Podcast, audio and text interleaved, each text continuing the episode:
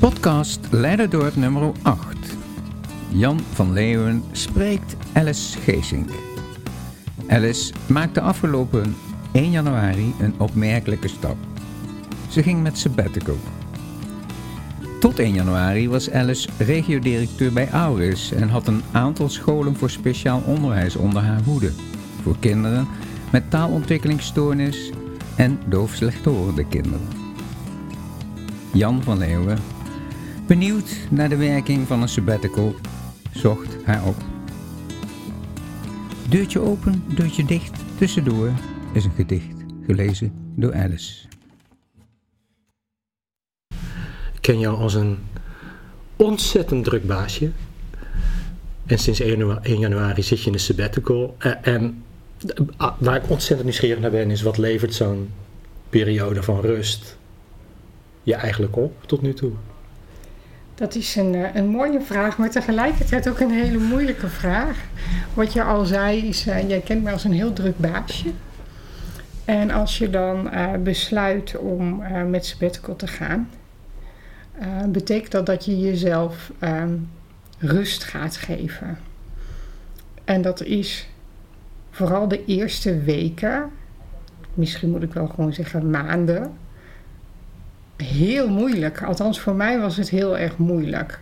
Um, want je stond op toen je werk had en um, je agenda was vol. Dus je, je, agenda leidde ook min of meer je leven.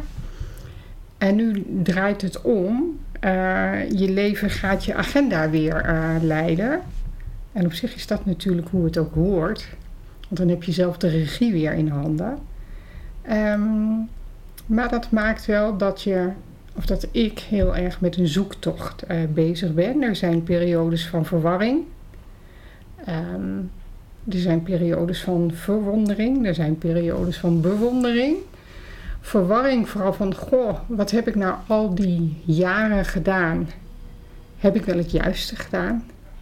En dan uh, niet of, um, of ik verkeerde dingen heb gedaan die schadelijk zijn voor anderen, maar heb ik voor mezelf wel het juiste gedaan?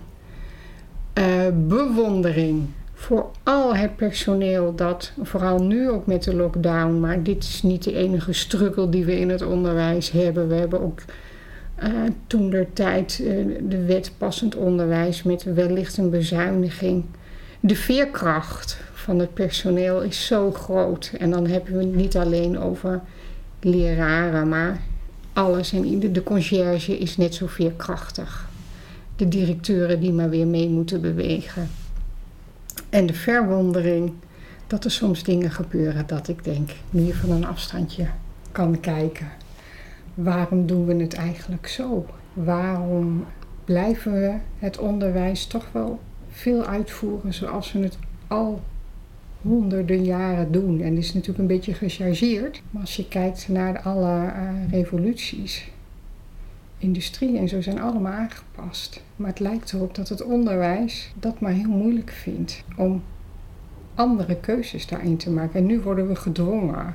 Dus dat vind ik wel een proces van verwondering.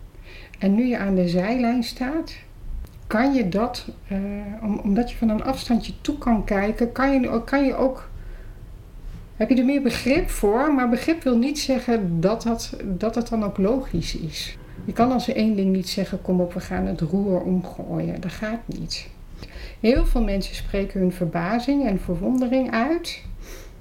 Um, en er zijn ook best veel groepen die bezig zijn om, om nu het onderwijs ook uh, een andere kant op te krijgen. Maar dat, lijkt, dat blijkt gewoon heel moeilijk. Maar het klinkt dan wel bijna als een pleidooi om af en toe aan de zijlijn te gaan staan. Ik denk dat dat nooit verkeerd is om af en toe aan de zijlijn te gaan staan.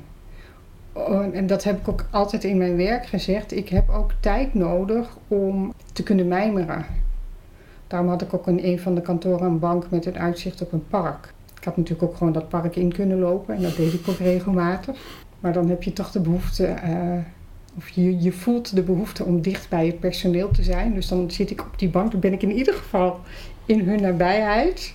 Maar af en toe moet je die helikopter in. Om het van een afstandje te kunnen bekijken. En heb je het ook nodig om uh, jezelf de kritische vragen te stellen. voordat een buitenstaander dat doet. Er blijft in mijn hoofd nog even hangen wat je uh, als eerste zei, terugkijkend, dat je ook afvraagt, niet zozeer heb ik de goede dingen gedaan, maar heb ik eruit gehaald wat erin zit voor mezelf. Waar twijfel je over dan? Nou, ik denk dat ik zo langzamerhand bij het antwoord uh, kom dat ik niet twijfel. Ik heb natuurlijk vooral heel erg hard gemaakt voor de doelgroep uh, doof-slechthorend. Ja, wat je al zegt, een druk baasje, ik wil altijd meer. En ik denk wel dat ik voor die doelgroep veel betekend heb. Maar misschien had het wel meer gekund. Ja, en dat had meer gekund, maar dan was het ten koste gegaan van mezelf. Mm -hmm. Dus het is goed zo. Ik heb er zelf veel plezier aan gehad, maar ook wel uh, momenten dat je denkt van pff, hoe ga ik dit allemaal voor elkaar krijgen. Dus ik heb dus naar mijn idee alles gegeven.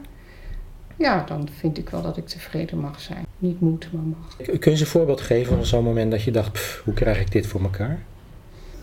Je, je hebt verschillende momenten dat je denkt van hoe krijg ik dit voor elkaar? En, en dan heb je twee, je hebt twee manieren van hoe krijg ik dit voor elkaar. Dat, dat kan in het emotionele zitten, wanneer het jezelf emotioneel heel erg raakt. Is het al een heel anders vraagstuk dan wanneer je iets uh, rationeels te doen hebt. Ik, ik heb een locatie gehad waar we jaren achtereen zes ton tekort hadden. En ja, hoe krijg ik dit voor elkaar? En weten dat bij die cijfers, wat een puur rationeel gegeven is, uh, zes ton betekent gewoon personeel uh, ergens anders zien, geplaatst te krijgen. Um, en dan gaat het ineens over emotie. En wanneer die naar emotie gaat, vind ik, vind ik hem altijd lastiger. Um, want dan gaat het over mensen. Mensen die een hypotheek hebben, mensen die kinderen hebben, uh, mensen die wel hun hart en ziel uh, in die baan hebben gelegd voor de leerlingen waar ze mee werken. En daar moet jij dan tegen zeggen: ja, sorry. En dan moet je als leidinggevende moet je jezelf gewoon heel erg goed kennen. Mijn eerste reactie was, uh, als ik weer die zes ton zag, oh goed, daar, ga, daar gaan we weer. En dan ging ik wel echt het bos in. En dan ga je dat rationeel ga je dat dan eerst wegzetten. En dan maak je voor jezelf een soort van conceptplan. Um, maar dat kan je natuurlijk niet alleen voor jezelf houden. Dan moet je dat delen met anderen. Um, met de teamleiders van de locatie kom je al heel dicht weer bij de emotie. En bij de andere directeuren kan je wat meer bij het rationele blijven. Maar je hebt dat allebei nodig, want dat moet in balans. Want je moet de boodschap naar het personeel vertellen. Dat kan je niet alleen emotioneel doen en dat kan je ook niet alleen rationeel doen. Want aan de ene kant ben jij uh, de persoon Alice. En daar is, dat, dat zit vol met emotie. Of die zit vol met emotie. Maar aan de andere kant ben je ook de directeur. En de directeur moet uh, ook iemand zijn die het spel, nee het is geen spel, maar die, die het team meeneemt op een goede manier. En die goede manier is, wat mij betreft, de feiten neerleggen. Zo van jongens, en dit is het. Want zo, zo krijg ik het ook voorgeschoteld. En ook uitleggen hoe dat dan kan. Maar daar zit natuurlijk ook de persoon Alice in, in die boodschap. Dus die emotie mogen ze er wel doorheen voelen. Want het raakt mij ook. En um, wat ik geleerd heb de afgelopen jaren is um, dat het personeel toch meer de eigen emotie voelt. En die snap ik ook. Want het komt bij hen veel dichterbij dan degene die de boodschap brengt. Want die lijkt nog op een veilige plek te zitten. En veilig is dan in de betekenis van, maar jij hebt jouw baan nog. Maar het voelde voor mij lang niet altijd veilig.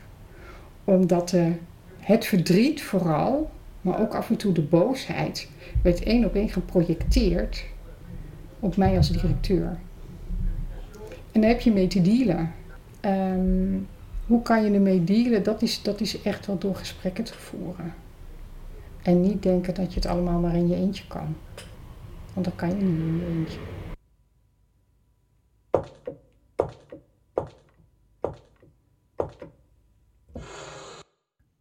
Deurtje open. Alice heeft een tekst uitgekozen, een vertaling van een uitspraak van Barack Obama. Ze leest voor.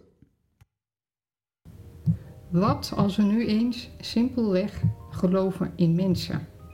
In wat ze kunnen, wat ze willen waarvan ze dromen. En vooral ook geloven in jezelf, in je eigen mogelijkheden. Wat kan ik doen? Wat wil ik doen? Om de dromen van anderen waar te maken.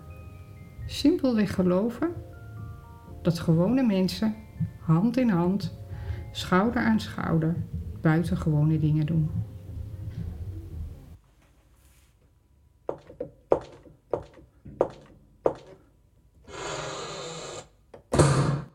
Deurtje dicht. Betekent dat dat je een mogelijke volgende opdracht zegt, dat ga ik in ieder geval niet meer doen?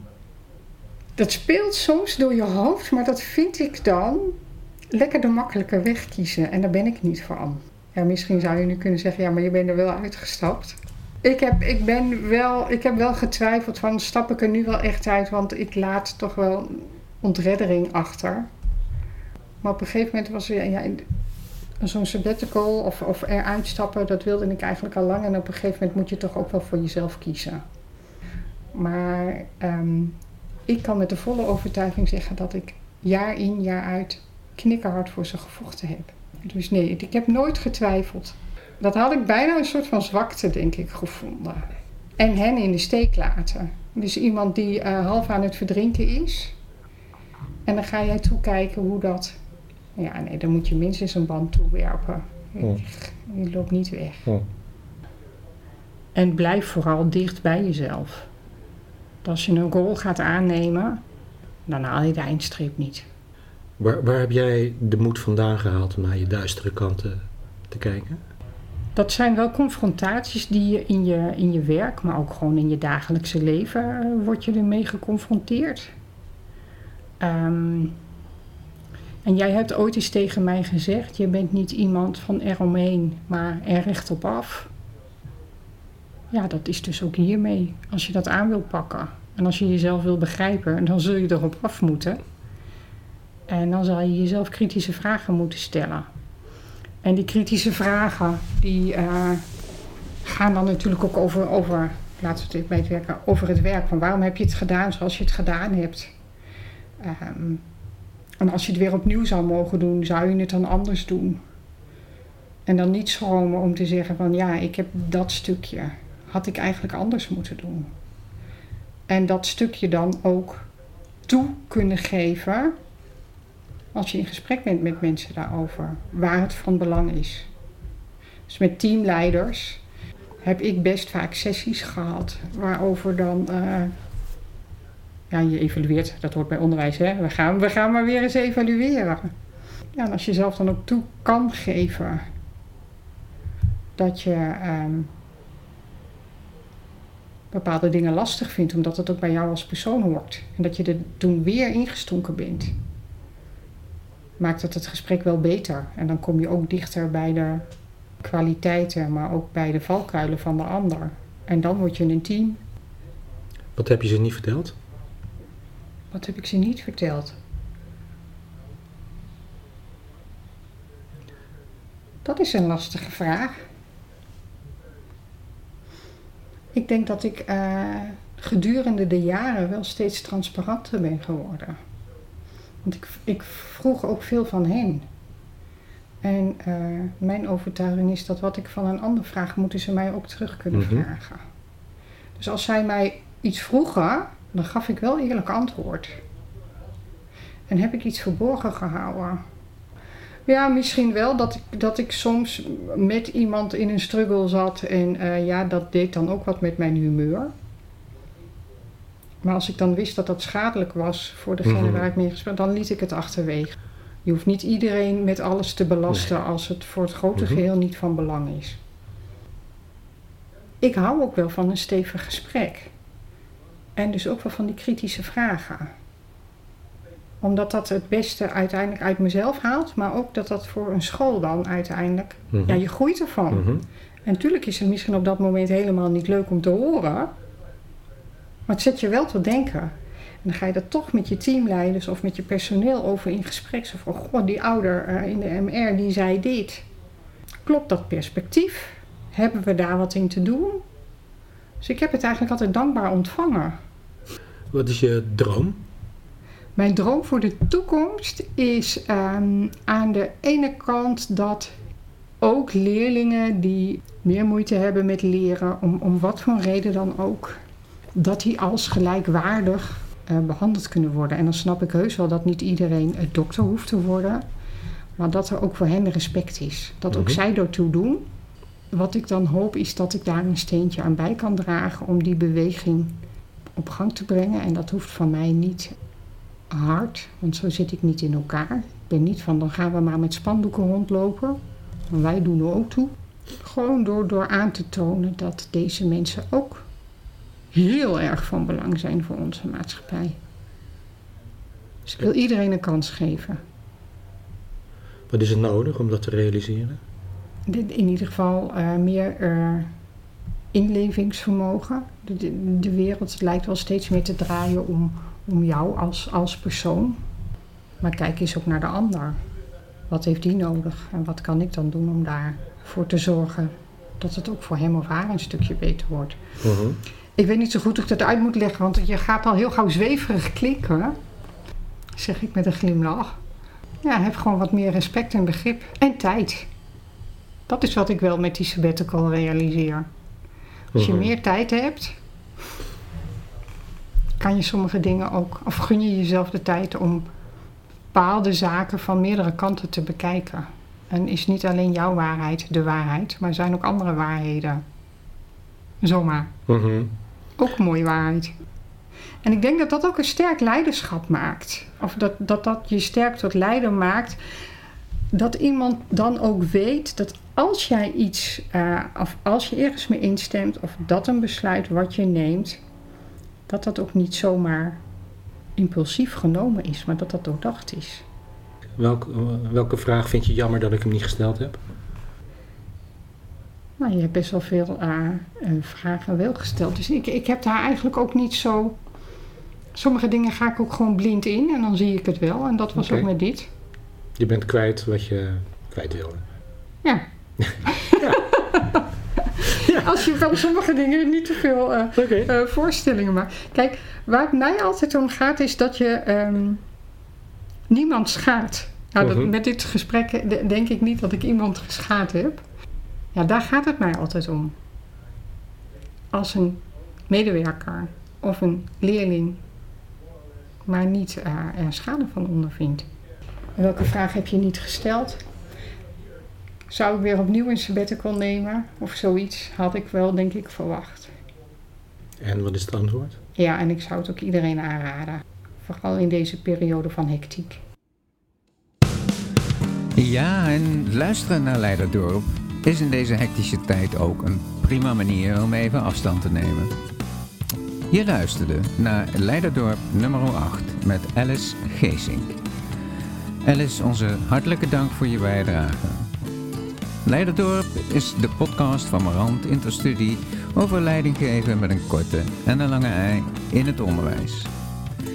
De makers, dat zijn Jan van Leeuwen, Anne-Jan van den Doel, Judith Bos en Harry Jansen. Reageer gerust via podcast.marant.nl Graag tot het volgende Leiderdorp.